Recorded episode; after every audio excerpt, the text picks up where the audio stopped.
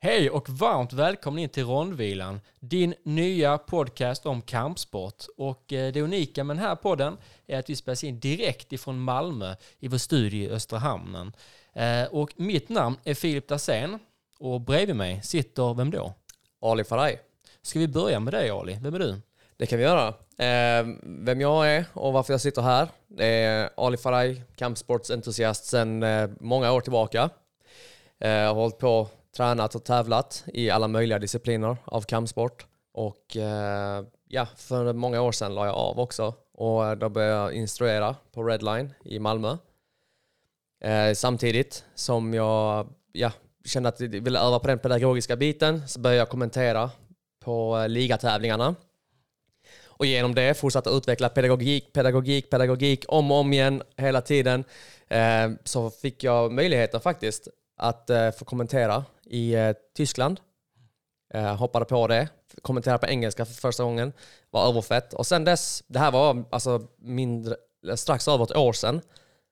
Och det senaste året har jag fått möjligheten att kommentera på eh, två världsmästerskap, ett Europamästerskap ehm, och för Battle of Botnia såklart och Wolffight Promotion. SM i thaiboxning också. Gör egentligen väldigt många olika kommentatorsjobb i den bemärkelsen. Föredrar att sitta i det så kallade expertrollen.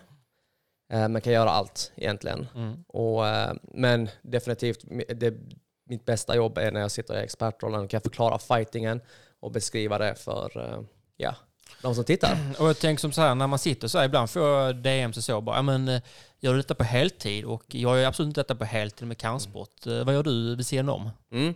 Alltså det är de- definitivt inte heltidssista. Eh, alltså nästan till ideellt. Eh, men det, det finns de som absolut inte får betalt för det. Det jag gör annars är att jag studerar till fysioterapeut. Vilket återigen knyter, sam, knyter an till pedagogiken och kunna förklara saker och ting. Och det passar sig jäkligt bra. Alltså just många år av kampsport, fysioterapin och kommentatorsbiten, samtidigt instruktör. Så eh, allting bara vävs i samman kan man väl säga. Ja. Ja.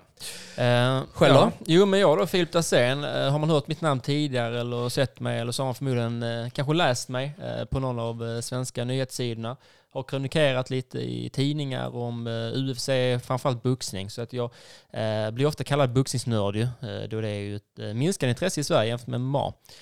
Så jag skriver en del om kampsport, har gjort det mycket de senaste åren och pratat, hörts lite i olika poddar och så. Fighterpodden och Kampsportskanalen och Käftsmällspodden i Malmö och, och nu även i Rondvilan. Och samma här, jag är liksom en ideell kille som har varit ja, amatörboxning tidigare och nu är jag coach i en klubb och ordförande ska jag ta över som också. Så att jag, jag har liksom lite olika, jag är liksom, har en passion för sporten nu. Eh, Men eh, min spetskompetens ligger i boxningen och inte MMA. Men jag Mm. kollar en hel del även där. Men Eh, med det sagt, sen, då har jag också alltså, svinbra koll på sport överlag. Och MMA är ju väldigt nära just din passion i boxningen så. som du också har bra koll på nu. Ja, så det kommer vara sportnörderi i den här podden ju. Mm. Eh, och vi kan ju säga det, eh, vi är en ny podd och vi vill liksom bara köra igång direkt nu med 2024. Mm. Eh, det finns ingen anledning att stanna av någonstans. Eh, Ja. och jag tycker som så här, idag kommer vi prata om vad då? All Stars Fight Night 4. Precis, och därefter Days of Reckoning, det som hände för någon vecka sedan i Saudiarabien. Den största proffsboxningsgalan förra året, där Otto Mm. Wallin var en av huvudpersonerna. Och sen lite nyhetssvep också på slutet, det har hänt en hel del. Ja. Men vet du vad vi gör nu? Tycker att vi... Eh, Nu kör vi igång! Listen, stop feeling sorry for your Well, come on then. We are firemen! The heat doesn't bother us! Här. Förstår du? Don't let him bully your son. You give me five minutes of hell. Last time you got too comfortable, you got stopped. We having fun? Having a blast, yeah. All right. You're looking good. Yes, då är vi igång med rondvilan. Första avsnittet här från Malmö. Ehm, vi har redan pratat om varandra så jag tänker som så här. Vad var det som hände egentligen för några dagar sedan som varit stort för svenska MMA? Kan var- du sätta igång? det var ju sista upplag, eller sista eh, svenska MMA-galan för året. Fjärde upplagan av All Stars Fight Night. Det har gått snabbt. Alltså dem. på ett halvår har de fått till, eller mindre än ett halvår till och med, har de fått till fyra galor. Utvecklats väldigt mycket på kort tid. Produktionsmässigt, eh, kvaliteten på fighterna har redan varit där från början. Men produktionsmässigt har det, har det verkligen tagit fart. Eh, Det, det känns ju ändå som att de satsar.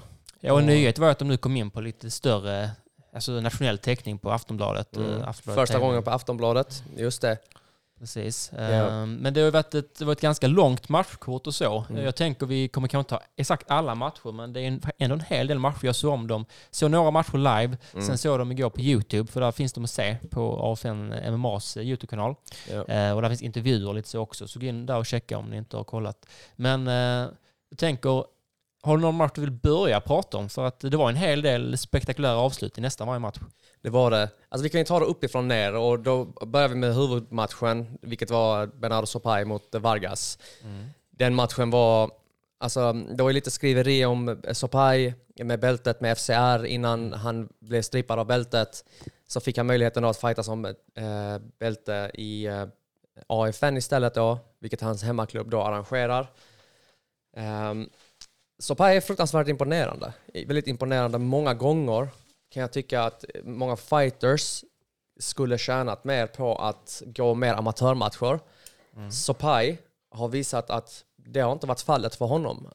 Han har liksom arbetsmoralen, eh, han är intelligent i buren, fightas väldigt smart, eh, med väldigt få amatörmatcher. Jag vet inte om han har en näve matcher ens. Jag, jag hörde på FCR-podden, kommer inte ihåg exakt vad han sa, men han har inte många amatörmatcher. Han fightas som att han har hållit på hela sitt liv. Ehm, ja, det, det var spel mot ett mål, mer eller mindre.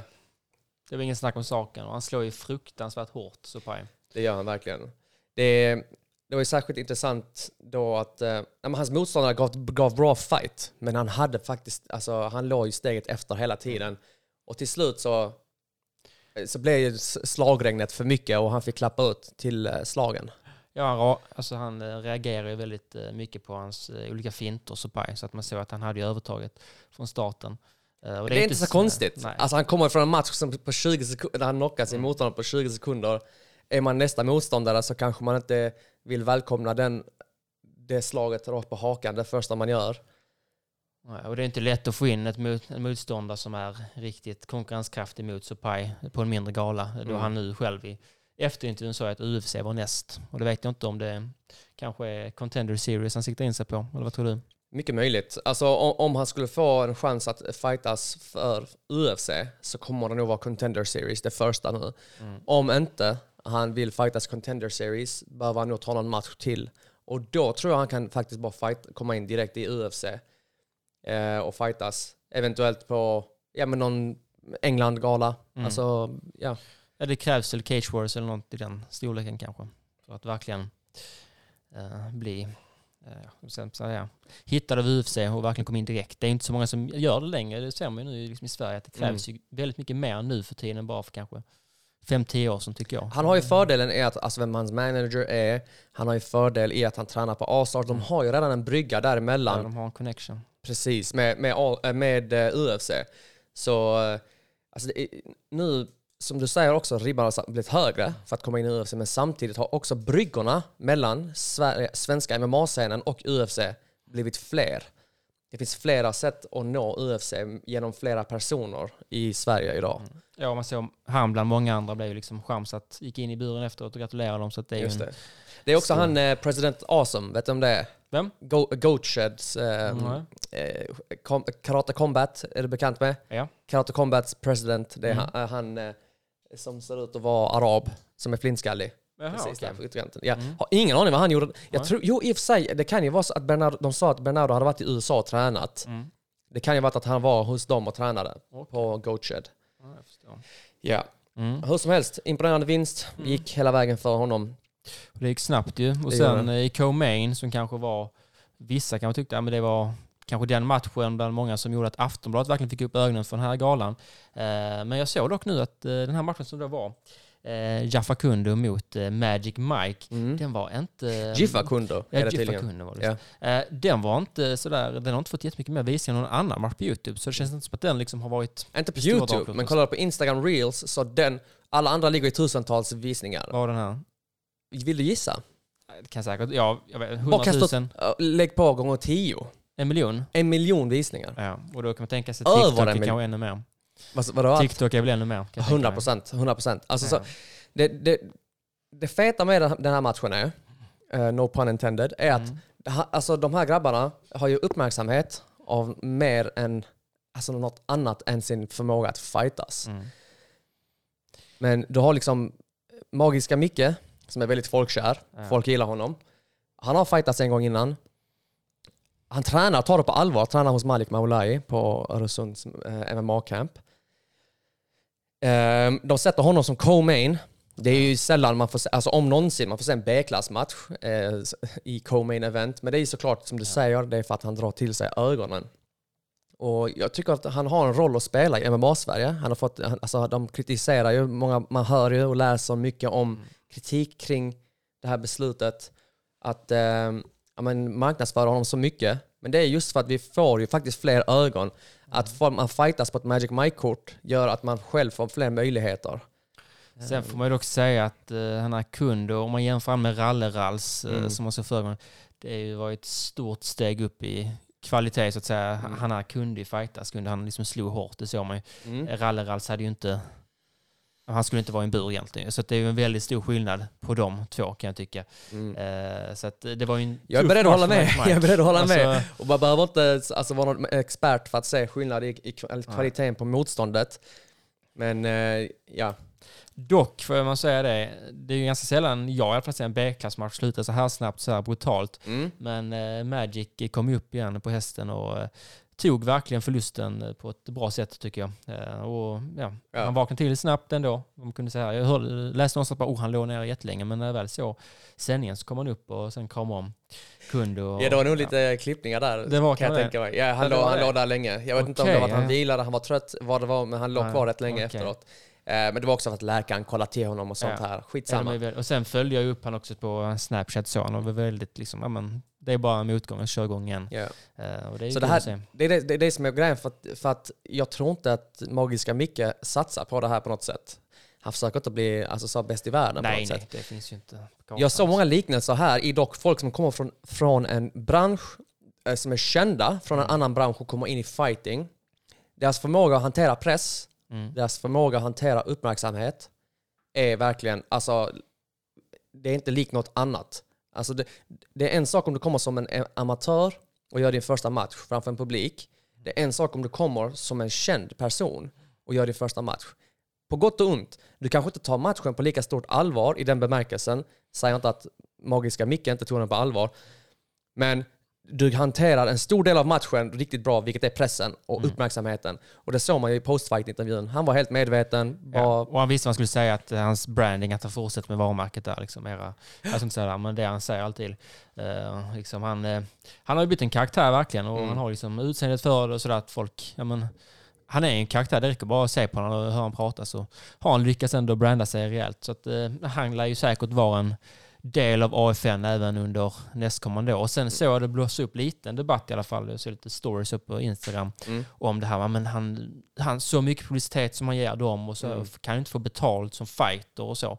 Men man kanske kan gå runt det med att han kan vara någon typ av marknadsförare eller så. För, ja. eventet. för att han, eh, han får ju inte ha, det är väl enligt stadgarna, han får inte ha någon betalning för själva Nej, nej, matchen. nej. Men han kan ju vara, anst- ja, på något vis kan man ju säkert kringgå det. För han 100%. förtjänar ju mycket, om man säger det de tjänar in, så förtjänar han ju en del av det. Gud, med tanke ja. på vad han får in. För jag vet ju själv när jag hör, har pratat med andra som är i diskussioner med Aftonbladet om sända en gala, eh, när det gäller andra kampsport, då är det ofta så här, ja okej, ni kan ha jätteduktiga fighters, vi måste ha ett namn. Ta fram ett namn så, kan, så struntar vi lite i de andra matcherna. Mm. Så det är inte så att de bryr sig jättemycket om Supai och Tipsai som är duktiga, utan det är ju framförallt de måste ha ett namn. Ja. Och det är det namnet som han och sen även Liam Pitt såklart kommer med.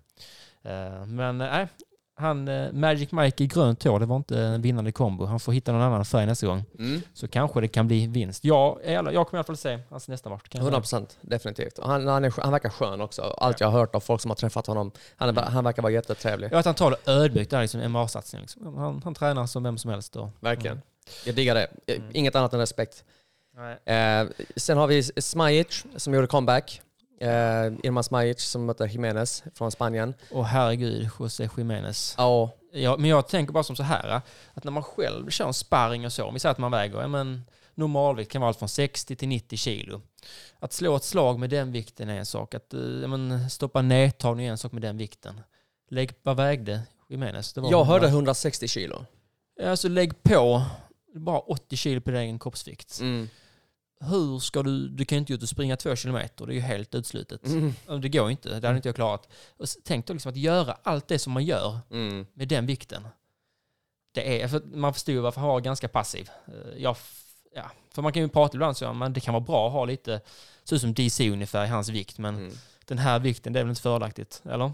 Nej, gud nej. Alltså det, det, det är inte så att han, han är en atlet. Alltså Smajic, han ser också ut att han, han har lite att ta, ta ifrån. Men han är en atlet på en helt, ett helt annat sätt. Alltså han, han har ju fightats hur länge som helst, fightats på internationella mästerskap, har hur många amatörmatcher som helst. Så eh, nej, det, det, det var definitivt en utmaning för Jimenez att komma... Alltså för Smajic gjorde inte ju det lätt för honom. Han klippte avståndet snabbt och bara låg, låg i hans face. Och kort därefter så var det faktiskt redan slut. Så Ja, det var ju inte mycket att hämta från matchen för Jiménez. Och, men då kan jag säga det, tatueringar så jag annars eh, gillar jag inte jättemycket, men fighters gillar jag det. Och när det är så två sådana stora killar tycker jag det är snyggt med så stora ryggtatueringar och båda hade lite liknande. Ja, Mm. Så det ser ju verkligen... eh, då gillar du eh, Action Bronson. Ja, men alltså det är två, alltså, sen är det så här, två stora killar som möter varandra. Ja. Man kan ju prata ner en Jiménez så mycket som helst, men Ja. skulle han landat en höger på en haka, vilken haka den är, Ja, ja. det är slut. Alltså det är verkligen, och det såg man ju inte minst i Co-Main, den stora grabben, men det här var... ja men han, det är som du säger, han var ju passiv. Mm. Det är för att han är, Han- han är sparsam. Han vet ju vad han har. Det här Precis. kan jag tillföra, inget mer. Det är som när man, när man alltså, om man ska spela spel på telefonen Mm. så vet man att, att mitt batteri kommer nog dö mycket snabbare. Ja, men då spelar jag kanske när jag är nära min laddare till exempel. Så. Så han sitter och liksom håller, håller igen, Smajic ger honom inte utrymmet Mm. och han får inte komma in i matchen riktigt för att Smajic överöser honom. Sen Smajic, han sa ju i eh, postfight-intervjun att han, eh, det kanske är dags att eh, lägga av och han Mm. är väl över 40 tror jag, Mm. för att han har ju haft ett två år långt uppehåll nu. Han var ju gammal redan när han började träna. Det var han. Eh, och han gick in där, jag vet jag intervjuade honom och sa det, men han var liksom, kom in överviktig, Mm. eh, tvåbarnspappa väl, hade ingen liksom så direkt eh, erfarenhet av kampsport och bara den, även om han inte kom in i UFC eller Cage Warriors, den eh, karriären han har haft, det är Mm. ändå sjukt imponerande utifrån att han var väl typ 30 när han gick in i gymmet första gången. Mm. Eh, även då hade han lite småskador och så, men att han ändå kommit dit, eh, dit han har kommit, det är faktiskt imponerande. Um, sen har du bättre koll på hans amatörframgångar än mig, men eh, där har han väl dubbla. Ja, gud ja. Alltså Ja. jättemånga matcher. Han, han har representerat Sverige i internationella amatörmatcher hur länge som helst. Mm. Det, det som är intressant också, som du är inne på, han börjar sent. Han, hade redan, han jobbar redan, alltså, han är tandläkare, om inte jag missminner mig. Någonting inom tandvårds Ja, han har åkt runt i världen och så, med, typ så. Det är väl inte Läkare utan gränser, men någon typ av det där de har hjälpt till. Med Eh, välgörenhet och sådana saker. Så att han har ju fullt upp med allt också. Och sen får man också ge han det. Han har ändå varit en viktig del av till exempel Alexander Gustafssons mm. senare år i karriären. Mm. Det är ju de har det är ju inte så att du kan hitta en tungviktare var som helst. De måste köpa in sparring. Så att han har ju varit en viktig del i det. Och även nu när Mm. Anton Tugalli har kört så. Eh, Så att han har ju varit en eh, viktig del av Allstars. Han sa ju det, det är ju en andra familj han har fått där. Och det enda som kan få honom att eh, återvända till buren var ju då någon typ av titelmatch. Mm. det kan ju då vara, som han sa, Nermin Haida Pasic som faktiskt gjorde. Det var ju Mm. en stor match när den gjordes. Ja. Ehm, Det hade varit kul. ja. Men det, det, det jag, varför, varför jag nämnde då med tandläkaryrket och allt det här som Mm. du påpekade. Alltså, han behöver inte göra det här. Nej. Han gör det för att han tycker det är fett. Jag tror det är en väldigt alltså, sund eh, eh, grogrund Ja. att komma in i en match på. För att det, det är inte så att all, allting beror på detta. Det är fortfarande såklart, man vill inte ta stryk och sånt här. Men det är som en Men- hobby. Det är en, alltså en väldigt cool hobby att ha. eh, Exakt. Som han har. Och att ändå få synas då på Aftonbladet. eh, Mm. Och, mm. Ja, men ja. det här, om detta är slutet så är det väl ett värdigt slut. Även om det Absolut. inte var den bästa motståndaren. Men han fick ju till ett Ja. avslut. Eh, Och efter två år och massa olika operationer kan man ju inte förvänta sig att man ska gå in mot vem som helst i Mm. buren. Eh, Men nej. Definitivt. Sen eh, Bilal Tipsajev mot eh, Lima. Ja. Så Tipsajev hade ju en match bokad för ett tag sedan i eh, Österrike, vill jag minnas. Den blev inte av för att han klarade inte me- medicinska kont- kontrollen. Mm. Läkaren... Eh, Gillar inte skicka upp honom. nej. Eh, någonting med hjärtat vill jag tro att jag läste någonstans. Mm. Väldigt... Alltså, det är ingenting man tar lätt på. Men nu har han haft tid att förbereda, förbereda sig på en ny, ny match och eh, han gjorde det jättebra. Jag tycker en sak som jag har sett som är skillnad från hans tidigare matcher. För innan, alltså när man kollar på, på Bilal så bara tänker man så, okej, när kommer nedtagningen? Det är det hans bild, alltså hans kroppsbygd säger mig att om han får sitt grepp runt om mig så måste jag börja förbereda mig på hur ska jag landa nu? Så innan har jag tyckt att hans nedtagningar har kostat mer än vad de har smakat. Han, han bara kastar folk, vet, kryssar dem, bara skickar dem. Men om han inte då kan hålla kvar dem, häm, återhämta sig från det väldigt energikrävande sortens nedtagning så har det sett mm, värre och värre ut i ronderna för honom, även om han har vunnit kanske. Men nu, det vi såg var mycket smartare nedtagningar och sätt att fightas på. Jag skulle vilja lägga begreppet tv-nedtagningar, det som finns i typ fotboll, tv-räddning, att man gör det snyggare än vad det måste vara. Men han, det. han bjöd på en sån dålig i andra ronden som var helt... eh, När eh, motståndaren slog slag, han bara slänger honom. Mm. Eh, Och det är ju inte alltid de nedtagningarna som är de mest effektiva. Ibland kan det ju vara de som inte ser lika våldsamma ut för oss tv-tittare som faktiskt ger mer och ger bättre positioner. Men han kom inte riktigt in när han väl hade höll nere. Han slog ju mycket, mycket Mm. run and pound. Men vad han kunnat göra för att ta sig liksom förbi Gard och se, vad tror du, vad var någonting du saknade som har bättre ögon för det? Alltså, jag kan säga så här. Det, det saknades egentligen från hans sida. Han behövde inte göra något mer. Nej. Så det är skillnad på att han, han fightades ju för att vinna. Han, det var inte jätte, jätteunderhållande. Alltså för att han Nej, låg, säga. i garden och slog tillräckligt för att domaren skulle bryta och så här. Jag tyckte jag saknade något för hans motståndare dock. Motståndaren valde att acceptera. Alltså, du säger att Det var ju han som låg och någon gång, den där väl tummen Det var rätt tog. Alltså Det var rätt sjukt. Det var vid ett tillfälle där, där alltså Bilal bara ground and poundade honom och jag bara, ska inte domaren bryta? Ja, det var på Nej, men då.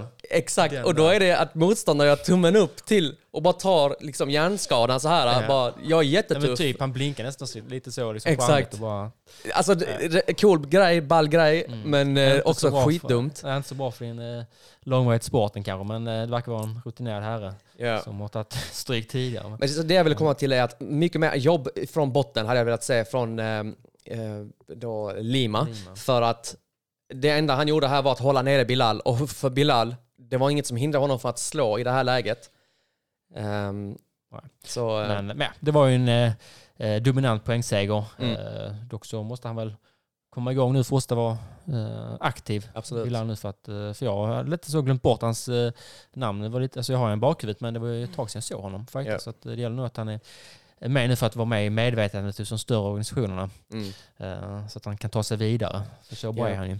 Han är jättebra. Och jag är dock intresserad av att veta, för att jag, jag kan tänka mig då att alltså, även hans coach och hans träningskamrater och så, de har enorm respekt för honom. Mm. Men för att komma till de största ligorna så måste du visa något extra. Ja.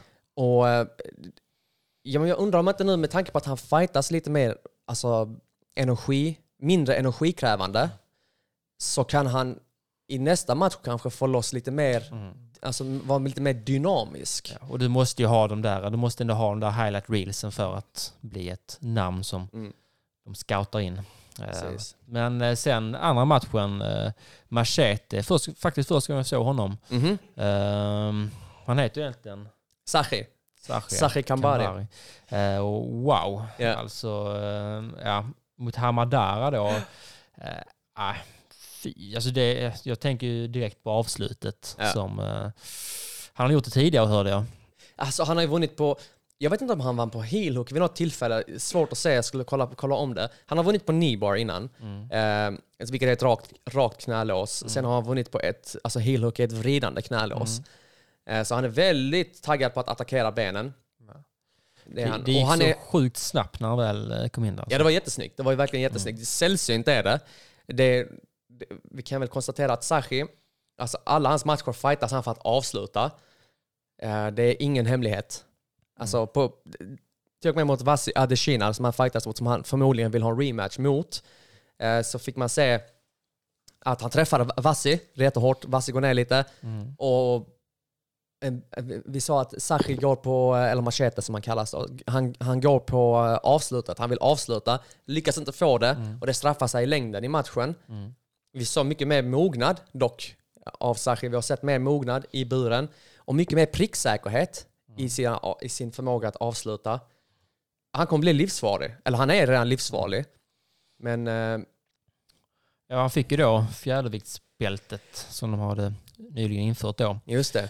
Eh, och ja, jag vet inte, han, eh, vi kommer komma till det senare också i nyheterna kring just fjädervikten, att det kan ju Mm. vara en spännande framtid för den viktklassen, just AFN. Mm. Eh, Men eh, det var ju väldigt, väldigt energi, alltså man kände ju direkt att det var, och hans eh, pappa var med där också.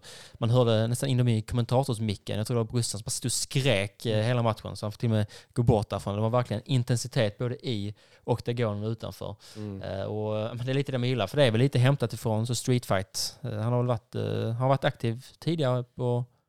Han, han, han fightades, na, na, jag tror i samband med att han kom till Sverige, Ja. så fightades han i King of the Streets. Ja. Men sen så la han det, han la det på hyllan för att han ville göra det seriöst. Mm. Och då var han på Redline och tränade. Och liksom, men han, han ville vara en atlet, en idrottare Mm. mer. Men han har ju fortfarande med sig mentaliteten. Man ser det. det lite, Och mentaliteten, lägg på då en slipad, alltså utövare. Med den mentaliteten, det är någonting som är, alltså, någonting som är, man måste vara försiktig med när man Mm. möter någon sån. Verkligen. Eh, men det var egentligen de största matcherna kan man väl säga. Um, sen var det några till. Jag kunde inte, det var två matcher som inte var upplagt på YouTube nu när jag skulle kolla om dem. Ja. Ehm, Alltså, det var ju Hamid eh, Tawana från Öresunds MMA. Och han mötte Dos Santos från Brasilien. Kort varsel, ersätta, eh, han ersatte eh, Zoran Milic. Som skulle ha mött Hamid egentligen. Um, man såg att Hamid hade problem med räckvidden. Eh, Santos var, Dos Santos var mycket längre. Och hade liksom, Hamid hade svårt att klippa avståndet på ett gynnsamt sätt. Han fick ner honom första ronden, lyckades hålla honom nere. Um, men Dos Santos höll lugnet, var kall. Andra ronden kommer ut. Hamid har liksom... Alltså han har använt så mycket energi redan. Lyckades inte riktigt få ner Dos Santos igen. Dos Santos prickar honom, Hamid går i backen. Och då ska Dos Santos följa upp, Hamid skyddar sig och domaren ingriper. Det var egentligen det. Så han blev prickad riktigt hårt. Och domaren hade sett nog för att gå in och ingripa. Han var, jag tror inte han var medvetslös på något sätt. nej. Det var mer att nej men, domaren räddade honom från att ta fler onödiga slag här. Sen finns det ändå något form av värde av att de faktiskt ser att de som är ofta då inflygna, att någon av dem också vinner. Att det inte bara blir en gala med bara liksom idel svenska fight som vinner. Så det visar ju någonstans att kvalitetsstämplat stämplar motståndet ju. 100 procent. Kunde vinna. Och det är 100 ju- procent. Och det såg vi också i matchen innan dess. Eh, Vi hade Abbasov från Allstars eh, som mötte Ribeiro. Eh, Även där. Ribeiro vinner på knockout. Vi fick inte se jättemycket i den, i den matchen mer än att nej, men Ribeiro hade krut i nävarna. Mm. Det, för det snackas mycket om de här influgna brassarna, som man, man, man, kallar det, lite så i, i en negativ bemärkelse. Och det finns någonting att säga om det att alltså, vissa av dem är inte där för att vinna alltid. Men det, det, uppenbarligen så var det inte finns, fallet. Nej, det i- finns en hel del. Om man tänker bara i Brasilien, så många fights de har, den fightingpoolen. Eh, och det kan inte man vet eh, när de kommer hit. Man har kanske inte så mycket film, att material på dem och så, men det kan ju vara någon som är hur bra som helst. Mm. Eh, så det är alltid svårt att veta när man tar in från den typen av länder. Där det faktiskt är en 100%. väldig fightingkultur. Mm. Eh, sen eh, den andra matchen som var väl anledningen till att Aftonbladet verkligen kände att shit, den här galan måste vi ha. Eh, det var en amatörmatch. Mm. Liam Pitts, som nu, eh, det var hans femte match eh, sen han eh, fyllde 18 va? Och Mm. nu var det mot eh, Vaukunen, säger man, som också varit med på VM Ja. tidigare. Det var hans Ja. bästa motstånd hittills. Och det skulle bli ett intressant test för Liam. Jag måste bara säga det, 18 år och gått 10 matcher. Mm. Eh, Jag vet inte, får man börja, när börjar man i Finland köra amatör? För jag tänker 10 matcher på, om det Ja. är 18 år också, det är jäkligt imponerande alltså. Det är väldigt, väldigt många matcher på Ja. kort tid. Det är det. Eh, Men jag vet inte hur det ligger till här Nej. i Finland. Men eh, oavsett, så den två år yngre finnen hade liksom dubbla erfarenheten av eh, vad Pitts ha- har. Mm. Men Pitts, alltså för det här, det här var ju som sagt då, vi, vi har snackat om, om detta innan också att alltså Pitts är mycket mer nu än Laila Bagges son. Mm. Han är, mycket, han är sin egen fighter nu, han är sitt eget namn nu. Han har gjort sig själv förtjänt av Mm. all respekt eh, som amatör. För att han är obesegrad. Alltså, och, och du vet, man, man, kan, man, kan, eh, man kan läsa ibland typ så ja fan de väljer ut bra motståndare till honom och så vidare. Men han, när han mötte Enes Ahmemulic, alltså svensk mästare i B-klass, Mm. den matchen tänk, skulle vara ett stort test för eh, Liam. Liam gjorde jättebra ifrån sig den matchen. Eh, sen går han och anmäler sig till eh, eh, vad heter det? världsmästerskapen. Och där får, du inte, där får du inte välja vem du ska möta. Nej. Gå in i sin första match, möta Bulgarien, vinna på TKO, du vet. Alltså, det, det här snubben är alltså, på riktigt. Och eh, han förtjänar respekt nu. Mm. Jag vill nu verkligen dock, för nu är det ju att de börjar prata nu 5-0 och så. Jag, jag gillar inte riktigt det när det är amatör, för man pratar om det i record. För jag, hopp, jag nu hoppas verkligen inte att han känner att det är stort av 5-0, att han Mm. verkligen, jag vill upp till 10-0, sen blir jag proffs. Mm. För jag tycker, det viktiga är nu verkligen, åk, hitta de tuffaste jävlarna. Alltså få verkligen de bästa matcherna. För jag tror han är så pass bra att han kan möta liksom, världseliten Mm. amatör. Och jag tänker även, han har ju bas i USA med. Alltså man har fått se honom mot riktigt bra brottare där. Eh, eh, och så. Så Mm. att jag vill verkligen se han möta tufft, tufft motstånd så att han är helt redo när han blir proffs. Så Ja. det kanske bara är om ett år liksom, som han går proffs. Eh, så jag hoppas att de nu verkligen tänker att, ja men, behöver inte ha ett obesegrat record. Det är liksom inte egentligen, det är kul att ha men det är inte något särskilt viktigt som amatör. Så jag hoppas verkligen att han får de riktigt tuffa motstånd nu Ja. Sen känner sig redo när han går proffs. För att eh, han är ju väldigt bra, det ser man ju. Ja, men jag, jag tror också han delar nog den inställningen. Mm. För att han uttryckte själv att han vill gå EM, någon match till e och sen EM. Mm. Och EM, där möter du alltså de bästa. Eh, och um, efter det så är nog tanken proffs, eller enligt vad han själv sa i alla fall. Mm. Eh, men eh, ja, han lyckas vinna, strypa ut Vackorna ändå och eh, får ett bälte för besväret. Precis. Vilket är, ja. Mm. Nej, det ser bra ut. Någon annan match jag kollade på var ju, jag tror det var den här matchen. Eli Elias när han mötte Ja, Perdomo. Perdomo. Var Ja. det, jag tror det var Perdomo som kändes som en... Det känns som att jag typ skulle gå in i en bur och skulle spela ett UFC-spel. Att han bara testade alla knappar.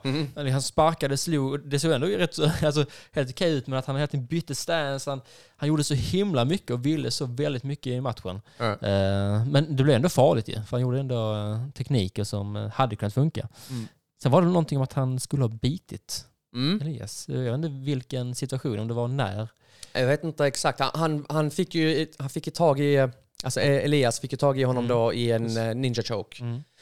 Och eh, jag undrar om inte det var i, i det tillfället, alltså jag vet inte hur det skulle gå till dock, men någonstans där på vägen Nej. så blev han biten. Ja. Och jag tänker, det kan ha varit att Perdomo, eh, alltså han kanske inte slutar banta in, inför matchen, så han var särskilt hungrig. Sant, sant. Och E- Elias ser ändå bra ut. Jag tänker Mm. han ville, alltså så för att liksom nafsa lite på Ville honom. ta en liten köttbit. Och Ja. han, han blev också en, var det en låg spark med som han eh, råkade ut för. Mm. Elias. Eh, Så att ja, Perdomo försökte göra allt för att vinna. Det får man eh, ändå säga ja. lyckades inte riktigt. Nej.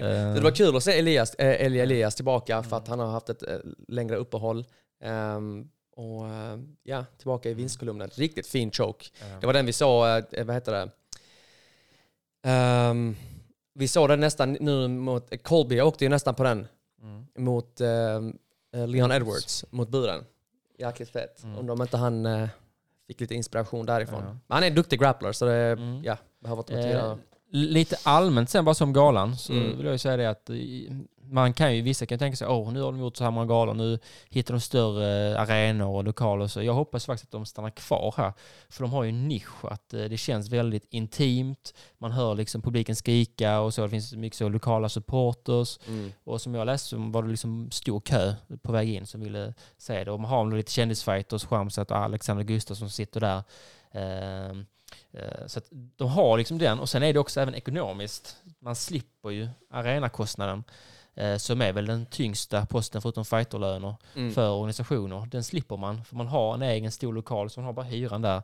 Så rent ekonomiskt har man ju en eh, nisch mot andra eh, organisationer som jag tror att man borde fortsätta köra på. För jag tycker även inramningen och så, eh, tv, hur de har jag tror att de själva ändå har fått göra produktionen och så. Aftonbladet har de ju fått som plattform. Jag tror att det är de själva som gjort eh, liksom själva eh, så produktionen med kommentatorer och annonser. Jag tycker att det flöt på väldigt bra. Mm. Eh, och just att jag tycker inte det behöver vara det mest fancy liksom produktionen. För det är lite så, du vet, i en lokal, lite fight club-känsla får jag. Mm. Eh, så jag gillar hur det är. Ja men absolut. Och även grafiken, det var ju liksom ändå det var ju samma kvalitet som det finns på Viaplay, liksom med fight-grafiken med Mm. fight stats innan och bilder på dem och så. så men det, det, är det är lovande. Alltså det känns som att det är mycket potential som det behöver bara hante- fortsätta hanteras rätt. Och sen den viktigaste av allt är att eh, en svår sak är att hitta fighters i en organisation. Här går in på gymmet. Hittar du Ja. bra fighters i alla viktklasser i princip. Så att Ja men det verkligen. finns... eh, En, eh, en sista match som jag tyckte var särskilt intressant då, det är George Josef från, eh, Jag såg också faktiskt. från Örebro. Eh, kom från en vinst i eh, Kalmar på Wolf och kommer in här nu mot eh, Joakim Olofsson. Han skulle mött Kevin Töre. Det blev inställt. Jag tror eh, Töre fick ett cut eh, som gjorde att han inte kunde ställa upp. Men George Josef alltså går in och gör liksom, alltså, ja, gör jobbet snabbt med rear naked choke-vinst och avslutar året på ett, en submission, vilket är helt klockrent. Jag hoppas vi får se honom i SM. Jag ser honom som en stark kandidat för guldet. Ehm, det skulle bli jätteinter- jätteintressant Mm. att se George Josef igen snart. Mm. Ja, nej, men det var den galan och eh, du hade lite koll på vilka som hade sökt sanktioner. Så när var det nästa? Det var i mars eller? eh, Februari, februari. va- vad vi vet hittills så i februari så är det Battle of Botnia Mm. och FCR. Okej. Eh, tyvärr är det samma datum, men det är som det är. Mm. Så ja, det är några matcher som har blivit klara inför dess i alla fall. Ja. Men i övrigt är det rätt så MMA-fattigt. Vi Ja. har några svenskar här och var som Mm. fightas lite som vi kommer snacka om ja. också. Men AFN, när är det? Har de sökt in nästa? Ehm, i AFN har också sökt sanktion. Jag Det vill var väl minnas... runt mars tror jag. det- Ja, om inte jag med april kanske. Ja. Ja, Men det kommer komma upp mer info i alla fall när det närmar sig. precis, sånt ändras ju också. Ja, så att, det men eh, det, jag Ja. tror inte de, de har några planer på att alltså, köra ett, långsammare tempo i alla fall. Och sen har de också snackat om eh, en fjäderviktsturnering. Precis. Mm.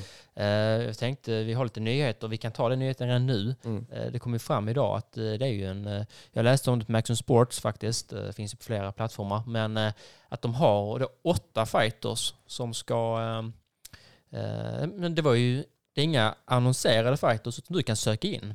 Eh, så att om det rycker liksom i lillfingret och att du vill gå ner till fjädervikten så är det bara Mm. att ansöka. För att eh, där man fick ju då, om man vinner så det som så skulle man få proffskontrakt eh, och eh, även så från, man skulle få kosttillskott från gymgrossisten, liksom Mm. sponsrad ett år. Ett och, år, ja. och det är ett starkt varumärke. Mm. Eh, så det var flera fördelar säkert om man vinner den turneringen. Men jag vet inte, är det en amatör eller proffs har nog inte riktigt... Alltså, så jag, jag har fått lite blandade budskap. ja. Jag har sett att de har nämnt proffsfighters.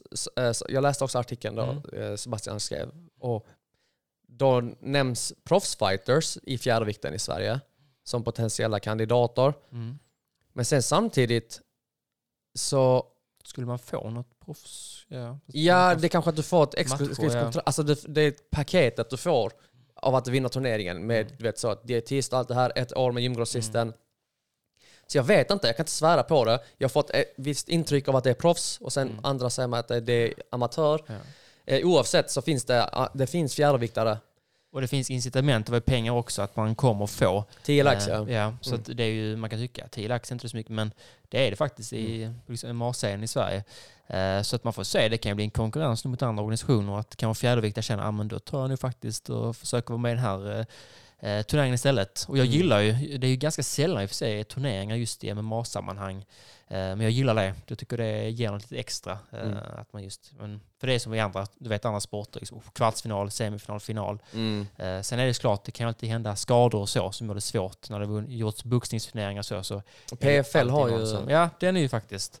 Jag vet inte, där är de inte rätt förskonade från skador då tycker jag. Ja. Eh, men för boxning har jag varit några gånger och bara... åh, så blir det semifinal och så är det den som blir skadad. Mm. Men eh, nej, de kan säkert lösa det. Eh, Jag tänker också, alltså PFL också så att man, det står en mille på spel. ja, jag är, tar mina risker, du kan vara skadad precis, du gör Ja, det ja. ändå liksom. 100%. Eh, nej, men så jag gillar det konceptet i alla fall. Ja. Uh, nu ska vi köra lite till nyheter nu innan jag går in på min boxning. Mm. Det kan jag faktiskt göra. Jag har faktiskt en nyhetslista här. Mm. Eh, en lista på en liten post-it-lapp. Men den första då, det är ju faktiskt eh, Conor McGregor. Man kan ju tycka att man är trött på att prata om honom. Du har inte uträttat så mycket i, i buren de senaste åren. Och han eh, är ju allt som oftast i Saudiarabien och kollar boxning nu Ja. på sistone. alltså det alltid Alltså det är bara- Cristiano till, till den kändaste killen, ja men till Ja. Conor sitter han där och alltid ska prata sönder örat på de andra. Alltså hur mycket koks Eh. har han råd med? Nej, jag vet inte. Alltså det, men jag, jag förstår heller inte bara liksom... eh, man, för nu han var ju utanför poolen, liksom testingpoolen, men Ja. hur fan kan, an, alltså, hur fan kan typ din ha, alltså allt, han är liksom bara stor, han blir, alltså, om man jämför med fjäderviktskonor. det är liksom bara, allt är större, öronen är större, alltså, ja. Ja. Så att han är ju verkligen, han har Man fått kan ju tillväxt säga att överallt. han, har- ja, han har fått tillväxt, Ja. har han verkligen fått. Ja. Eh, Men han sa i alla fall nu, och det är ju inte officiellt alls, utan det är ju hans då, han satt ju eh, kanske druckit lite och sådär Mm. på nyårsafton och berättade att han ska nu möta eh, Chandler eh, under International Fight Week, så inte UFC 300, det mastodonteventet som man trodde tidigare kanske. Mm. Och det, Chandler visste ju ingenting om detta själv heller, men det var ju då i 185 pounds i mellanvikten som han vill möta Chandler i. Jag vet inte, för det första, val av viktklass, är det realistiskt? Mellanvikt. Ja. Realistiskt är det nog. Alltså, För båda fighters, tror du? Alltså, Chandler kommer nog bo- bokstavligen bara ja tack, Ja. herr Dana White, Mm. ge mig matchen. Och sen lägg en våg framför mig, låt mig ställa mig på den och säga att det här är okej. Mm. Ja, och han väger säkert, alltså han går säkert runt Lätt! i alla fall. Det är klart han kommer inte banta så Närmare, mycket. Mm. närmare 90 pannor, alltså utan tvekan. Ja. Men eh, det kän- helt ärligt, för mig känns det som att bara, alltså det är Connor, han trollar, han vill hålla sig relevant. Ja. Eh, jag tror inte, jag skulle bli positivt överraskad om vi fick se en fightas igen. Jag tror dock inte. Men dock förstår jag inte att det fortfarande är så många som bara, ah, okej, jag, det- jag såg någon, till och med någon journalist skrev, "Ja, men jag tror Conor kan ta det i första ronden, sen går han vidare till den här matchen. Mm. Och nu såg han öppna upp som favorit också. Alltså det har jag sett Chandler göra i sina matcher, den liksom totala våldsamheten. Mm. Eh, liksom det, visst han tar stryk, men han ger så fruktansvärt mycket tillbaka, liksom, Ja. som i Gaethje-matchen. Jag kan inte se varken Connors ben eller uh, haka hålla, hålla ihop. Alltså jag vet inte, efter så lång tid, det är liksom, Chandler är, han är fruktansvärt våldsam. Alltså det Mm. är tegelstenar som kommer att hamna i ditt huvud. Jag tror inte Connor varken vill eller har inte, alltså nej, jag, jag kan inte se att han skulle bli som favorit i en match mot Michael Chandler. Ja. Eh, men det är, Nej, ju, det det... är, är långt fram så att säga. ja, precis. Det är mycket Eh. som kan... Vad tror du, det, vad tror du om det hela? Tror du att det, det blir av? eller? Jag tror att han, att han sa International Fight Week var nog bara för att han ska ha längre tid nu och hålla på och vara relevant. Alltså jag, Ja. jag vet inte. Alltså, Ja. jag, jag tror mycket väl att det istället kan bli att han möter någon i boxning i Saudiarabien. Mm. Eh, Alltså så. Ja, han, han, alltså han, Eftersom han, han hänger där mycket. För att han har ju snackat mycket om UFC nu. Att, och man ser ju inte alls... Den connection till UFC känns inte jättestark just nu i alla fall. Mm. Svårt att veta, för vi får Ja. inte veta bakom kulisserna. Men Nej. du vet, ena veckan säger han typ så jag stör mig på UFC. Nästa Mm. vecka säger han International Fight Week. Så det känns som att alltså, allting är bara Sen- för att få oss att snacka om det. Sen trä, jag vet inte, var bor han? Alltså han är ju runt, alltså han bara åker runt världen. Ja, Han bor på en enorm båt som är Ja. värd miljo- miljoner. Ja, och han tränar ju liksom inte med sitt tid. Det är ju, det är klart att det finns så många fights som har besegrat han just nu som inte Mm. ens är relevant, liksom kända. Ja. Eh, nya talanger som bara kommer upp. Alltså, du kan inte vara på den nivån när du har gjort, levt det livet som han har gjort efter eh, Floyd-matchen. Det är 2017. Det är sex år sedan. Mm. Eh, Det- man glömmer det själv när bara, okej det är sex år sedan. Ja. Och har- sista vinsten är liksom fyra år sedan typ. Ja, ja precis. Mot 2009. eh, 2020 var det Kopojke. kanske, ja. Mm. Eller 2019. Men det är ju länge sedan. Mm. Eh, Men vi får se om det sker Ja. ens. Eh, Men annars eh, till något mer eh, regionalt så gick UFC Fight Pass ut med sina olika eh, utmärkelser på sin hemsida. Mm. Eh, Och då blev ju Fight of the Year, vilken match då? Andreas Bain Gustafsson Mm.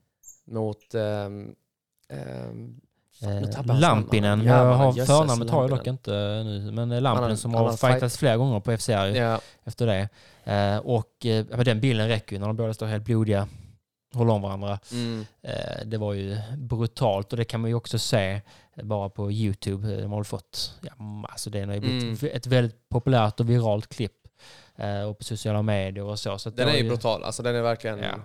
Och man kan ju tycka att ah, men det var inte någon... eh, de borde gjort så här och så här, liksom rent tekniskt. Ja, det var inget tekniskt detta är- masterpiece. Det är ju ändå... Gillar man MMA, Mm. då gillar man den här typen av matcher. Liksom. Det är ju, Ja, men det är underhållande. Man Ja. kommer och kolla och det, Ja. det är inte så att man går hem och, och går till gymmet och slåss på det sättet ändå. Jag vet att Gustafsson har själv sagt att han skulle ha önskat att han fightades annorlunda. Ja. Skitsamma. Det, det, om du minns Forrest Griffin, Stephen Bonner, Ja. som gjorde att UFC fick faktiskt en, eh, behålla sin plats Mm. som en organisation i världen som är eh, relevant och ekonomiskt alltså, gående. Ja. Det var en liknande match, alltså rätt så brutal match.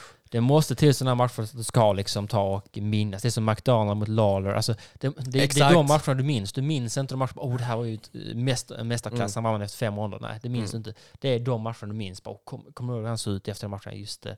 Eh, så att det här är en match som Gustafsson, eh, är... John ja, Jones. Ja, exakt. Det är, det är liksom de matcherna som ska... Det, det är den du kommer minnas. Du kommer inte minnas när Gustafsson liksom tekniskt är briljant mot Glover Texera. Mm, är det minns de man också, men Ja, inte på alltså, samma om sätt. tio eller- år tänker jag. Det är liksom 100%. de matcherna bara...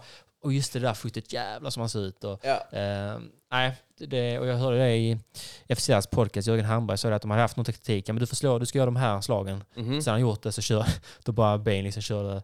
Så att, eh, Han nej, bara körde Ja. sitt race. ja, nej, det var um, coolt. få se. Det men, finns många, eh, många feta matcher där i welterweight i FCR. ja, och det är ju många matcher som har gått på UFC Fight Pass, så att, att de får The Fight of the Year, det är ju stort. Mm.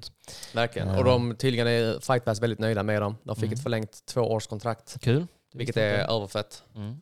Ja. det Men så, alltså också mannen, Fight Pass har så många matcher. Alltså så många matcher från olika organisationer Ja. över hela världen. Att denna matchen blev den Mm. är riktigt stort. Det är Ja. stort. Det är det. Ehm, och sen också, då kommer vi lite tillbaka till det här med, liksom, eh, ja, du vet, Conor McGregor, hans situation, men en annan som är liksom boxningens svar på Conor McGregor kan man säga just nu, det är ju Floyd Mayweather som fortfarande är lite relevant trots att hans sista match eh, som proffs, ja det var ju mot Conor, men den riktiga matchen som proffs var mot Andrew Burdo 2015 i september typ. Det är snart tio år sedan. Mm. Han ska ju köra en rematch nu mot den här eh, Gotti, den här maffiasonen eller vad det är, som, man, som det är typ streetfight i ringen sist. Mm. Och Manny Pacquiao ska köra någon match mot, uh, ja thaiboxare är det väl, Eh, jag tror inte någon känd, jag kommer inte ihåg vem det var. Men han ska köra något i Japan nu i, i vår. Ja. Så det är liksom lite icke-matcher om man jämför med det som de Manny nu sa i Japan, att det är det här ni kommer få se i Japan nästa år. Det är på Ryzen. Och där har ju Floyd kört tidigare. Mm. Eh, och det är då en Manny Pacquiao mot Floyd Mayweather 2 som är görningen. Eh, och jag vet inte hur du känner men jag hoppas ju innerligt att det blir en proffsfight om det väl sker. Eh, Det snackas om en exhibition match. är det? Snackas om det. Jag Ja. vet inte om det är sant. Alltså, ja. Du hoppas på att det blir av och att det är en riktig match? ja men för att jag, riktig man tänker ändå bara, jag kommer ihåg alltså den hypen 2015 inför den Mm. 2 maj. Alltså vad sålde de? Två miljoner pay-per-views. Mm. Det var... Det, nu när, alltså då kommer jag ihåg man tyckte att det var en skitmatch. Men nu när jag sett tillbaka det, nej, det var, inte, det var bara för att det, det var ju de förväntningarna. Mm. Eh, den borde gjorts 2009 då när Manny var på topp ju. Eh, men nu, alltså, ja, jag ser gärna de två mötas igen. Och jag, eh, just Floyd, jag vill se hur han, hur han har hållit ihop på träningen. För att Manny har ändå sett okej ut, eh, liksom lite eh, mer liksom nyligen än Mm. Floyd. Eh, och varit lite mer aktiv professionellt. Så att det är en match jag ändå, alltså, jag kommer lätt omfamna den om den blir av. Men det är klart, det känns väldigt märkligt. Varför ska de göra den på Ryzen? Alltså de är ju fortfarande så pass stora namn att de borde kunna göra den i Las Vegas på någon stor gala eller Saudi. De kanske Eh, betalar bra för det. Det är kanske De det. gillar, alltså det är, ett sätt är det en freakshow. Ja, och det gillas väl kanske. De, alltså japanerna Ja, ja. älskar ju det. Mm, Och helt ärligt, om de betalar för att det ska göras så kommer jag lätt titta. ja. Och Floyd är också, det går hela tiden rykten om att hans pengar bara sinar trots att han är... Har du Den inte gjort det dock hela tiden? Jo, alltså, men alltså, när han typ lägger upp sig på Instagram, men nu är det ett nytt hus, det är ett slott liksom. Och Ja. bara 70 rum och tre biografer. Man bara, ja. Och så har man mycket så. men vad är, vad är det som barn. ger dig intrycket av att det skulle sin, alltså pengarna håller på att ta slut? Alltså han som businessman är han väl ingen... Eh, alltså hans promotion har ju bara försvunnit typ. Mhm. Eh, de, eh, som Mayweather Promotions som Badujak och Gervonta var en del av. Det känns bara som att det liksom har lagts ner och Mhm. sen har lite... Ja, men han har Alltså the money team. Ja, och han har ju adult clubs runt om och så. Sen finns det fortfarande money team i gymmet och så. Mm. Men det känns inte som att han liksom har riktigt lyckats någonstans där ju. Mm. Eh, nej. Men men. Ja, 50-0 har han väl. Så att det blir 51 om man skulle vinna den här. Ja. Så det är noll. Mm. Ja, det är, jag har svårt att se att någon som har blivit så rik har svårt att hantera sina pengar rätt eh, för att han har varit rik länge. Det säger mig ändå att han har rätt röster i öronen Ja. som liksom, alltså, ber- berättar för honom hur han ska hantera pengarna. Ja. Sen är det bara, om man kollar NBA-dokumentärer och så också, det är alltid bara, ja men jag hade två miljarder. Ja. Sen, gav, sen sa min kompis, eller jag gav han, men hur kan du inte bara spara 10 miljoner i någon typ av fond? Alltså bara, bara ta en procent av pengarna bara, nu ligger de här om jag, något skulle hända. Mm. Nej, det är alltid så, ja, men jag, det är hans fel, jag gav han alla pengar. Bara, Ja. Han skulle ju ha sina bitcoins och det är då... liksom- ja, det är sjukt. Tänk om man haft de pengarna. Ja. Men men, de är i alla fall, jag tror de kommer, de kommer fightas länge till. Alltså de, är, Ja. De har inget annat i sina liv. Liksom. Visst, Pekka vill bli president i Filippinerna, Mm. på Filippinerna, men Alltså jag vet inte om det är så bra idé för någon som har tagit slag i huvudet och ger sig in i politik. nej, det är inte den... Har du sett det här med Tito. Tito Ortiz? Ja, ja, ja. ja, mannen. ja. Alltså han får ju politiker, alltså politiker som man kan anse vara tröga, Mm. han får ju dem att se bra ut. Ja. Det kan vara samma nu eh, som Colby vill Ja. uppnå. Colby Covington, han vill bli... eh, Så det ju, har funnits en baktanke Alltså, kanske med det här med Trump-snacket. Men eh, Jag tror att Trump Ja. har tagit bort Colby som vän på Facebook. de var då på nyår, men jag undrar om det är en gammal bild alltså. Eller, eller så bara... Vadå Trump, de, han var hos honom på Mar-a-Lago på nyår skrev han. Happy Jaha. New. Men Trump står dock med samma pose varje gång, så jag undrar om det bara är att han klipper in samma bild. För det är alltid den liksom. Den där på Trump. Så är det- Ah. klipper han in alltid samma bild bara, jag vet inte. Men eh, nej, men eh, ja, vi ska ju inte fastna i Colby Covington. Men jag Nej. kan säga det, jag har ju varit en supporter av honom, alltså fightingmässigt, sjukt länge. Ja. Eh, men eh, det dog någonting i mitt hjärta i, under förra UFC-galan när han Ja. Gjorde en no-show. Ja. Precis. Men sist ändå som jag vill prata om, för det här nyheterna. Mm. Eh, Och det tänker vi, varje avsnitt vill jag gärna att vi har lite nyheter jag återkommer till. För att det är ofta, det händer alltid någonting. Alltså man kan tänka sig, ja, det har inte hänt denna veckan. Sen går man in på liksom boxing news, går in på de svenska kanalerna och bara oj, det har hänt grejer. Mm. Men eh, det är ändå in- intressant. Jag var på mitt boxningsgym och pratade med lite folk och så, som ändå är rätt boxningsintresserade. Mm. Och bara så, ja, vad tyckte ni Mutte Wallin då? De bara, va? Har han fightats? Åh fan. Och så bara man så, jag fast förstår er, för att det stod, ja, det stod lite på Sportbladet, annars var det väldigt tunt. För vi har alltså haft en svensk tungviktare som gått match mot en av, ja, ändå 2000-talets bästa, en av de bästa topp 10 tungviktarna i världen under 2000-talet, Anthony Joshua, i huvudmatch på ett mastodontevent som har marknadsförts som det bästa kortet i alla fall under hela fjolåret Mm. eh, som huvudmatch. Och eh, det var väldigt lite skriverier och väldigt lite hype kring detta. Mm.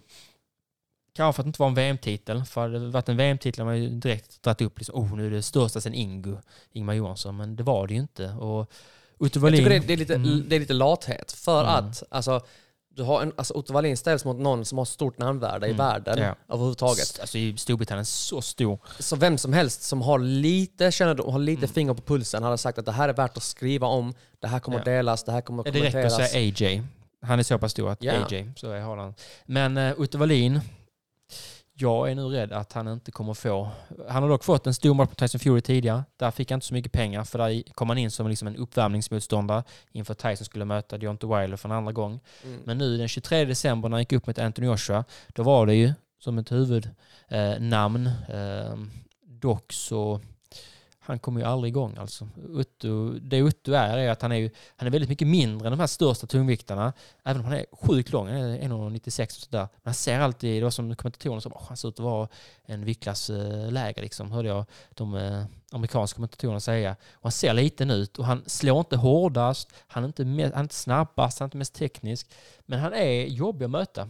Han han är liksom Han är stabil. Ja, och bra gardering, tar inte mycket stryk och, och tar liksom och avbryter dina kombinationer. Men Mm. Anthony Joshua har jag ju varit liksom och tänkt att han, är, s- alltså han har gått tillbaka väldigt mycket de senaste åren.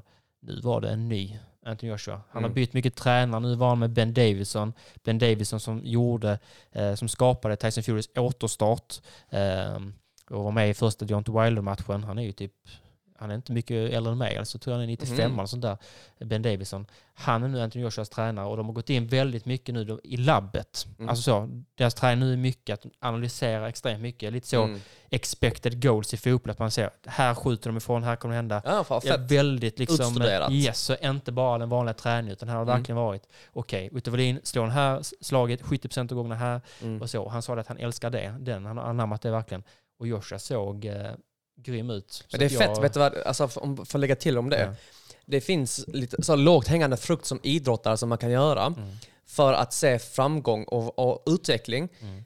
För det, ett mått är såklart det går bättre på sparringen. Ja. Precis. Men det kan vara att jag har en bra dag, mina partners har en dålig dag, allt det här. Men Mm. att faktiskt säga att jag blir alltså, fysiskt, alltså fysiologiskt bättre. Mm. Det kan vara att jag springer snabbare, jag lyfter en vikt snabbare. Hoppa högre. Alltså, Hoppa, ja. 100 procent. Alltså, och allt det här, ja, vem bryr sig om det? Boxning eller kampsport? Så, ja, det är inte, du satsar ju inte på det. Men alltså, kan du se att du har förbättrats i det så är det fortfarande värdefullt. Så Ja. du kommer inte lyfta för att bli en kroppsbyggare. Du vill inte lägga på dig massa och allt det här. Men du kommer att utveckla en fysisk förmåga, en fysiologisk förmåga för att faktiskt, alltså där siffrorna blir bättre. Du kan ju kvantifiera allting. Kvantifiera, alltså så, alltså exakt. verkligen så bara, så här många grabbar fick, alltså verkligen, det, du vet så som man gör i en match, efter Ja. en match så gör man, oh han fick in så här många slag här. Man vill verkligen, okej, exakt så här många högerslag fick du in i mag. Alltså, man kan göra så mycket mer än Mm. vad som görs just nu. Och det är klart, då måste de resurserna som Joshua har ju. Mm. Eh, men i alla fall matchen. Fem ronder höll det på. Utto kom aldrig in i matchen, vann inga ronder. Mm. Eh, Joshua dominerade. Eh, han blev inte jätteskadad, Utto. Det var ett slag som eh, verkligen fick han att eh, tappa balansen, men han höll sig uppe i sista ronden. Sen så bara satt jag och väntade och tänkte, ja okej, vi- det här måste ändra. Jag tänkte så här, det här måste ändra, det här måste ändra. Sen bara matchen är slut. Mm. Och det var då hans tränare Joey Gamache som han har haft som tränare sedan typ 2013. De bodde ju i Köpenhamn tillsammans. Ehm, han är ju en gammal storboxare själv, har fight som VM-titlar. Han själv blev ju väldigt, väldigt liksom, eh, skadad i, i några matcherna och några matcher han blev brutalt stoppad.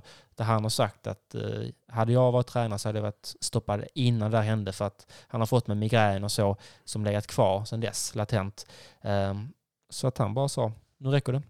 Han sa, för han, jag hörde bara säga typ så, eh, it goes in the wrong way, wrong, wrong direction. Sen går till domaren, vi stoppar. Mm. Och Utto själv, det visar lite deras relation, han bara sa så, tycker Joey att vi stoppar det så stoppar vi det.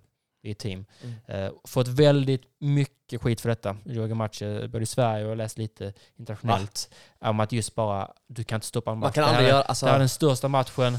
Du måste fortsätta. Mm. Och även det att Utto är inget stort namn där ju. mm. Eh, så att nu när de vet, och han gav upp i femte ronden låter det som ju. Ah, ja, ja. Han kommer inte få några nya stormatcher om man inte visar, för att han är ju inte den som gör några flashy knockouts och så. Eh, så att de menar Det bara skadar hans du varumärke, måste, ja, liksom. du måste, för att du kan ändå hitta något sätt att vinna. Dock kan jag säga som så här, hade Otto Wallin varit en knockout-fighter, eh, Mm. så, då hade man kunnat tänka sig, okej, men han kan ändå ta detta.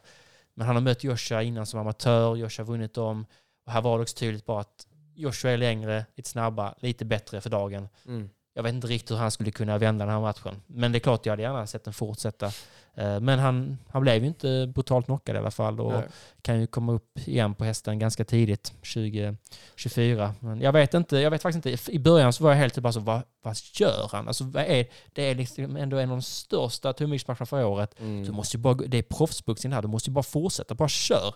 Men eh, sen efter ett tag jag ändå känt, ja, vem vet alltså. Det kan vara bättre än att han blev brutalt knockad. Åtta återigen då, med det här med, med att kvantifiera. Mm. Så om man så statistiskt sett så ser man, alltså okej, tränarna säger uppenbarligen att det här är, är någonting vi inte kommer kunna vända på. Ja. Så är det att, ska man bara vara tuff och ta stryken flera ronder, eller bara säga, vet ni vad, bra jobbat AJ, Mm. vi ses längre fram istället. Det är ju den kulturen som finns i boxning. Att, Mm. eh, Jag diggar blir- det som fan i boxningen. I MMA, jag, har, jag vet inte om jag har sett en handduk nå, Nej. nudda canvasen någonsin. Nej. Alltså, Sen finns och, det, och det också, finns många ja. matcher där man- alltså, man bara kastar hela jävla garderoben mannen. Det räcker. Mm. Ja. Men sen finns det också den ju, i boxningskulturen bara att "Uff, fan vilken kämpe den här killen är. Han tog stryk i 12 ronder man stod upp. Mm. Jo men efter 10 år är det ingen som säger det. Oh vad bra av dig att du... Det är ändå, han har tjänat pengarna. Uh, Ja. Utto är säkert, han var väl runt säkert 10 mille, jag såg lite olika siffror men Mm. hoppas att han har blivit Oh, bra många, betald. swish, många swishförfrågningar. Ja precis, kompisar i Sundsvall kanske. Men eh, riktigt kul att han blivit bra betald. Mm. Eh, och så. Det förtjänar han. Och sen får man se vad som händer. Men Utto kommer fortfarande kunna vara i precis under världstoppen. Jag har alltid sagt att jag tror inte att Utto kommer ta ett VM-bälte. Mm. För att han har inte den där X-faktorn. Men han är sjukt gedigen och det visar han ändå att han har gått en relativt jämn match med Tyson Fury och nu s- gått upp mot eh, Joshua. Det är en av de bästa boxarna i världen. Eh, Men nej, det, Mm. blev, eh, det blev inget och Sverige kanske inte heller, vi var kanske inte redo för en sån här match heller eftersom det, jag vet inte, det var ju inte så mycket hype på det viset. Mm. Eh, Men sen är det som sagt, vi har några till eh, matcher där som jag vill prata om. Deontay Wilder, de sa det, de gjorde den här matchen med Joshua och Wallin för att Mm. Joshua skulle möta Wilder nästa år. Mm. skulle handla om typ en halv miljard i pengar. Vi bara gör matchen, det är grymt liksom. Eh, Wilder har ju ny tränare, har inte fightats på två år sen Fury-förlusten. Han har definitivt inte squatat. Ah, Alltså jag vet inte. Han har alltid haft små ben, men det här, nej. Alltså man Mm. tycker John Jones har små ben. Och bror, det här var ju helt, alltså... Alltså, han, har, han har ju öppnat alla. Alltså, så, Ja. på jord, det finns ju få Ja. människor på jorden som inte alltså, hade, alltså, som hade kunnat göra något mot Ja. honom. Men med de benen, du vet, han kommer ihåg när han kom in, obviously kommer du ihåg när han kom in med den här rustningen Ja, ja. och sa nej jag blev trött av den. Jag tror fan Ja, på det alltså. på Det. där var, han blev nog gassad av, av att han bar den rustningen. Och den vägde nog 14 gram. Och det, det var nog jättejobbigt för honom att bära på. Men också bara det som tungviktare i en era där alla är stora. Som Det är atleter. Det är inte bara att använda händerna. Nej, då han kan har, inte heller gå ner. Han hade gått ner massa pa- alltså var det, det var alltså många kilo han har gått ner Ja. sen förra matchen. Och då är det verkligen, alltså vaderna har ju verkligen gått ner några kilo ytterligare. Men även överkroppen, han är ju rätt stor rygg och så, men han har ju inte, jag fattar inte, för man säger att han saknar mycket av det fundamentala. Mm. Han går ihop med fötterna, han är, det är ingen bra boxare. Mm. Så det är en knockout-fighter som har gjort att han har tagit så långt som han har gjort. Men att, hur kan man ha den slagstyrkan? Du har inte ben. Skulle man Mm. fråga en sån, eh, ja, men du vet, i USA, en riktig sån här eh, fy- fysioterapeut, mm. de bara okej, du måste göra de här rotationerna, du ska bygga, deadlift, alltså du, Alltså De gener, är- generera kraft. yes, generera och kraften slagkraft. kommer ju allt, alltså det kommer från benen. Ja. Det kommer nerifrån upp. Mm. Men och han så, använder ju bara, alltså det är verkligen, det kan man också testa om du själv står på en mitt och slår Ja. ibland och bara jobbar med arm. Det blir ju ganska hårt ju, Mm. bara, men att, han- att han kan ha den kraften mm. med bara liksom armrotation i princip och inte så mycket vridning på resten av kroppen. ja. Det är faktiskt, man hade velat undersöka honom. Typ bara, vad är det som gör att du har den här slagkraften? Det, det, ja, alltså jag kan ju säga att eh, någonting som kan ge en ledtråd är om, alltså fysiologiskt i alla fall, det är också muskelfibrer. Så förmodligen, alltså vet man det finns ju det här, man Snabba och långsamma. S- Snabba och långsamma, exakt. Så då, då har de eh, vad heter det? Expl ex explosiviteten. Det kommer komma från muskeltyp fiber, eh, muskelfiber typ 2. Mm. Och då, vad som händer är, alltså har du fler av sådana så kan du explodera snabbare. Men det som också händer är att du kommer inte kunna hålla igång en hög intensitet länge. Ja. Så förmodligen har han extremt mycket, alltså vad som kallas i lekmannatermer fast twitch, Mm. eh, muskelfibrer. Och eh, det är rätt sjukt för att det brukar oftast gå hand i hand med alltså, mycket kraftgeneration också. Mm. Fast det gör det inte med honom.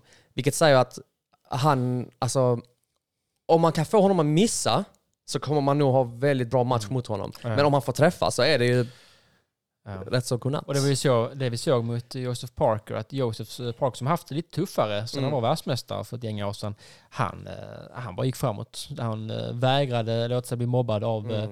Wilders styrka och dominerade hela matchen. Uh, Wilder fick inte egentligen in någon träff som riktigt skakade Parker och, och Parker däremot fick ju till honom på örat. Så, ja, jag tror det var godnatt några Mm. gånger om för Wilder. Men Där sa du också någonting Ja. Filip. För att just det här med att någon som har mycket kraft kommer ha mycket kraft också om de bara kan lägga sin kropp bakom Mm. den. Och lägga sin kropp bakom ett slag betyder att du går framåt. Mm. Så om jag kan kväva honom på det avståndet har han ingen kraft Nej. längre. nej, precis. Och det, jag, jag tyckte att man såg det i matchen att alltså, ja, han visste fan inte vad han skulle göra. Nej, det är en game, och det är ju också, Parker tränar ju med Fury i det teamet Mm. i Markham. Så att där har ju varit så mycket, om man pratar data, att utgå från de tre matcherna Fury haft mot honom. Mm. Är det bara okej, det här ska du göra, så här ska du lä- lägga din tyngd här på honom, gör detta i clinchen och så. Mm. Nej, Park är jätteimponerad så att han är verkligen tillbaka igen. Han är, han är lite så som typ, om man skulle dra en parallell till någon i UFC, det lite Rob Whittaker. Mm. Eh, Park, att han är liksom väldigt bra, man har inte bälte just nu, men är ändå precis under de absolut bästa. De råkar också vara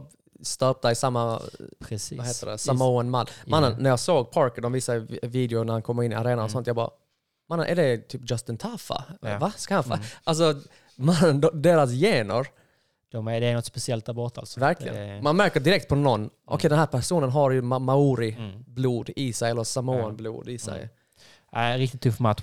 Ja. Ehm, men det enda, jag skulle vilja säga också att det var verkligen många knockouts. Det var en eh, riktigt bra gala. Ehm, man är aldrig, alltså man är så ovan vid detta att som boxningsfans kunna säga bara så, okej nu är det fem matcher kvar till huvudmatchen. Jag måste se alla matcher, jag kan inte missa dem. Mm. Annars är det så okej, kan inte bara huvudmatchen börja så jag gå och lägga mig. För jag ser inget annat. Alltså det är ofta du vet, så himla eh, one-sided matchningar. Att man vet, Mm. jag vet att den här kommer vinna, den här kommer vinna, den här kommer vinna. Här var det inte så. Här var det faktiskt, i många matcher i alla fall, eh, väldigt jämnt på förhand. Den enda som verkligen skåpade ut sin eh, motståndare i en längre match, det var ju Dimitri Bivol, som eh, för de flesta är väl känd för att han har besegrat Canelo, Alvarez och Bivol är Alltså det är verkligen en kille som tränar fundamentalt, har gjort det sedan han är fem år gammal. Han Mm. kör med sin gamla Sovjettränare, stod liksom och kör, han kör, eh, vet du det, istället för Viktor kör med stenar ute, skugga. Mm. Eh, han var i Kirgizistan nu, eh, körde det så jag. Den andra fyra hjul, alltså verkligen så dedikerad Mm. till sporten. Och nej, han är så tekniskt briljant. Och nu vill man ju se han mot eventuellt Artur Beterbiev Mm. nu kommande året. Men vi får se. Men det var i alla fall, och han mötte Lyndon Arthur, en kille som brukar vara väldigt framstående på de brittiska galorna. Ah, det är inte en suck alltså. Så att man ser att det finns nivåskillnader överallt i samtliga kampsporter. Eh, Mm. Men du såg galan också. Det är inte ofta Mm. du ser boxning. Nej. Men eh, vad var din, eh, ditt intryck?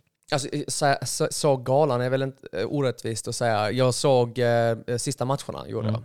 jag. Eh, tyckte det var fett. Alltså det är fett, jag, jag älskar att kolla på kamp, men jag följer inte boxning. Mm. Alltså jag bryr mig inte om sporten i den bemärkelsen. Jag följer egentligen UFC Mm. för att jag vill se högsta nivån av kamp. Mm. Det är egentligen därför. Kampen. Ja, så det finns säkert någon där ute som kan mer om UFC och mer om fightersarnas liv och sånt än vad jag skulle kunna. Men för kampen skulle det skitfett.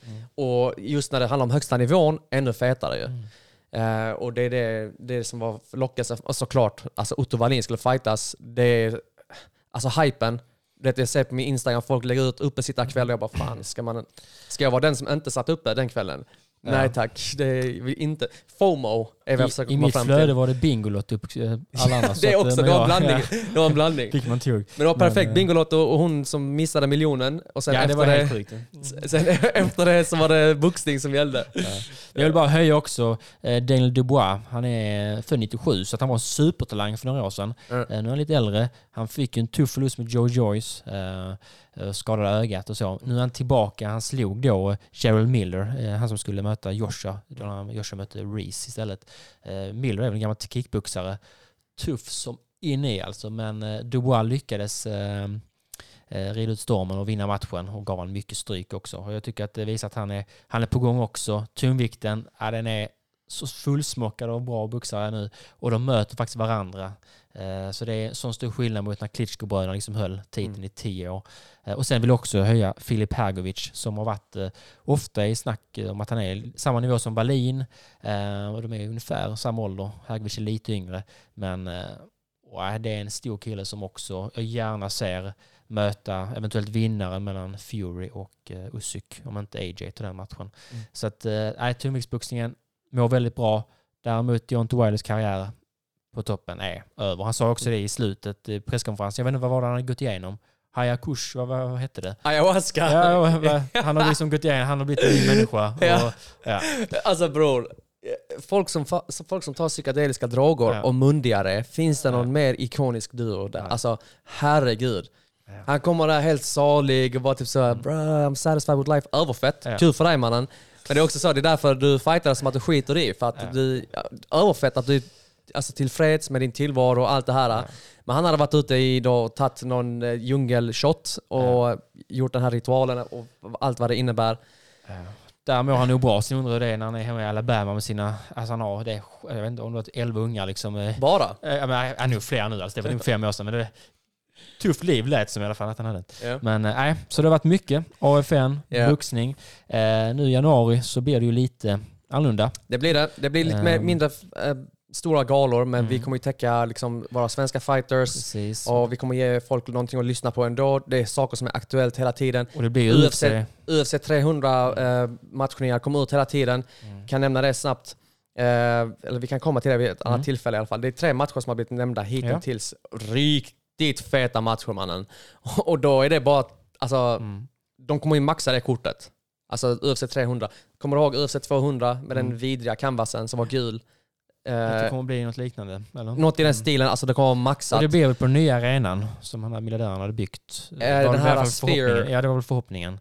jag vet Mm. inte, men... Det var eh, kanske om Connor, ja. Kanske inte. Ja, faktiskt väldigt så, ja okej fett om det blir där. Men oavsett, matcherna kommer bli överfeta. Ja. Alltså bara hittills, jag kommer vilja se den här galan bara av de här tre matcherna hittills. Berätta, jag har inte hört dem. Så du har Jiri Prochazka Mm. mot eh, Alexander Rakic.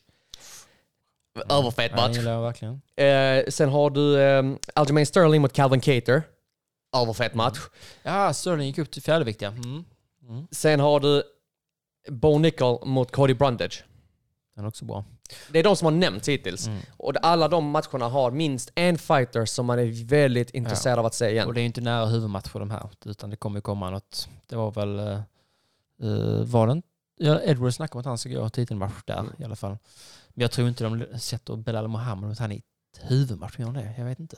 Något mer... eh, Bilal Mohammed känns lite som att han blir mobbad. Alltså Ja. så för att, att det har blivit en meme, eller det är en meme Ja. vid det här laget. Att typ så, alla stora möjligheterna Mm. är de möjligheterna han inte kommer få. För att han är så tråkig. Ja. Eh, Men ja, Ja, jag, jag tänker mig, någon, det måste bli något, typ så, Nick Diaz, alltså någon sån där sjuk bara fancy matchning.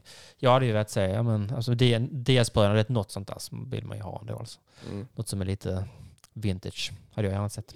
Nate Diaz skrev ju på Instagram, eller på Twitter skrev han, eller X, Mm.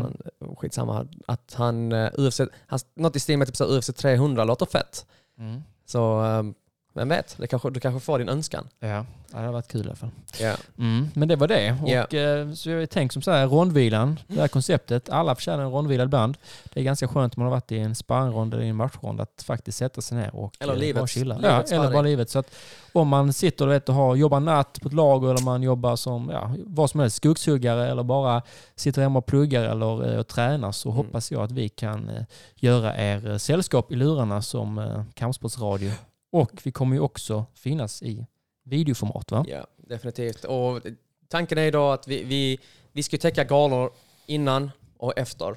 I, eh, vi kommer nog landa i att vi kommer nog prioritera svenska galor om inte det kommer särskilt feta internationella galor. Precis. Vi vill gärna prata med svenska utövare i olika ka- kampsporter. Eh, och eh, ja, tanken är att när vi är runt om i landet på olika kampsportsärenden att försöka ja, men, få fler utövare att synas. Mm. Och eh, ja, vi vill ju höra hur folk tränar, vem de tränar med, hur de tänker kring fighting och allt det här.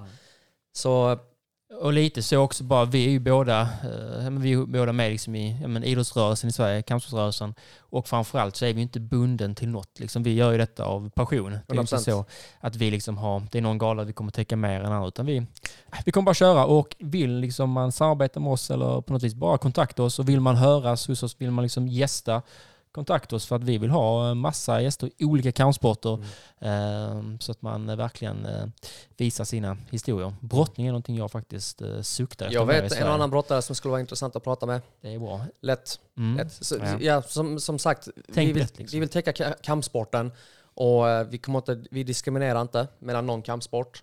Och eh, ja, det, det kommer bli riktigt fett. Det blir det och det kommer ju bara, det ska växa det här ju. Mm. Eh, Så att eh, det är bara att vara med gärna och följa oss och så i sociala medier och följa oss på YouTube. Eh, Vi ligger där så att Mm. blir det mer motivation och kommer vi bara fortsätta 100%. pumpa ut ju. Så att Det- rondvilan är det nya Ja, helt enkelt. absolut. Så det ska bli ett, ja, men jag tror att jag kommer, vi kommer nog bli ett önskvärt tillskott till eh, kampsportspoddande världen. Eh, det skulle också vara intressant att få lite feedback kring, alltså nu har vi ändå hållit på i strax över en timme. Precis. Och eh, det skulle vara intressant att veta, är det här tillräckligt länge? Mm. Är det för långt? Ehm, ja, Mm. Ja, men lite så, även vad tycker ni, vad vill ni att vi ska prata om? För att eh, Mm. eh, jag gillar ju det att när man har lite olika mix och så. Och framförallt också, jag är en sån som bara, "Uff, blir det för långt nu alltså? Blir det för Mm. långt? Vill hon höra på mig så här länge? Mm. Det vill de kanske inte. Men säg gärna, ja, men 50 minuter sen stäng av, skriv Mm. det. Ja, men okej, då vet vi det. Eh, så att lite, men vad vill ni ha? För att vi vill formas liksom. Det Mm. finns inte så mycket 100%. eh, bestämt på förhand. Eh, så att, ja, Vi är här för att tillföra värde. precis. Nu eh, har vi varit igång 1.14 ungefär, så jag tänker att vi eh, tackar för det här avsnittet och vi vill säga tack också till Adal som sitter bakom kameran. Ni ser inte 100%. honom, men han är här lika mycket som vi, eller hur? Stupet sexy Adal. Exakt. Eh, Så tack så mycket Yes. och eh, tack för att ni lyssnade på första avsnittet av Rondvilan. Så att helt enkelt välkommen in till Rondvilan kommande veckor också så kommer ni se och höra oss. Ciao! Ha det Hej. gott!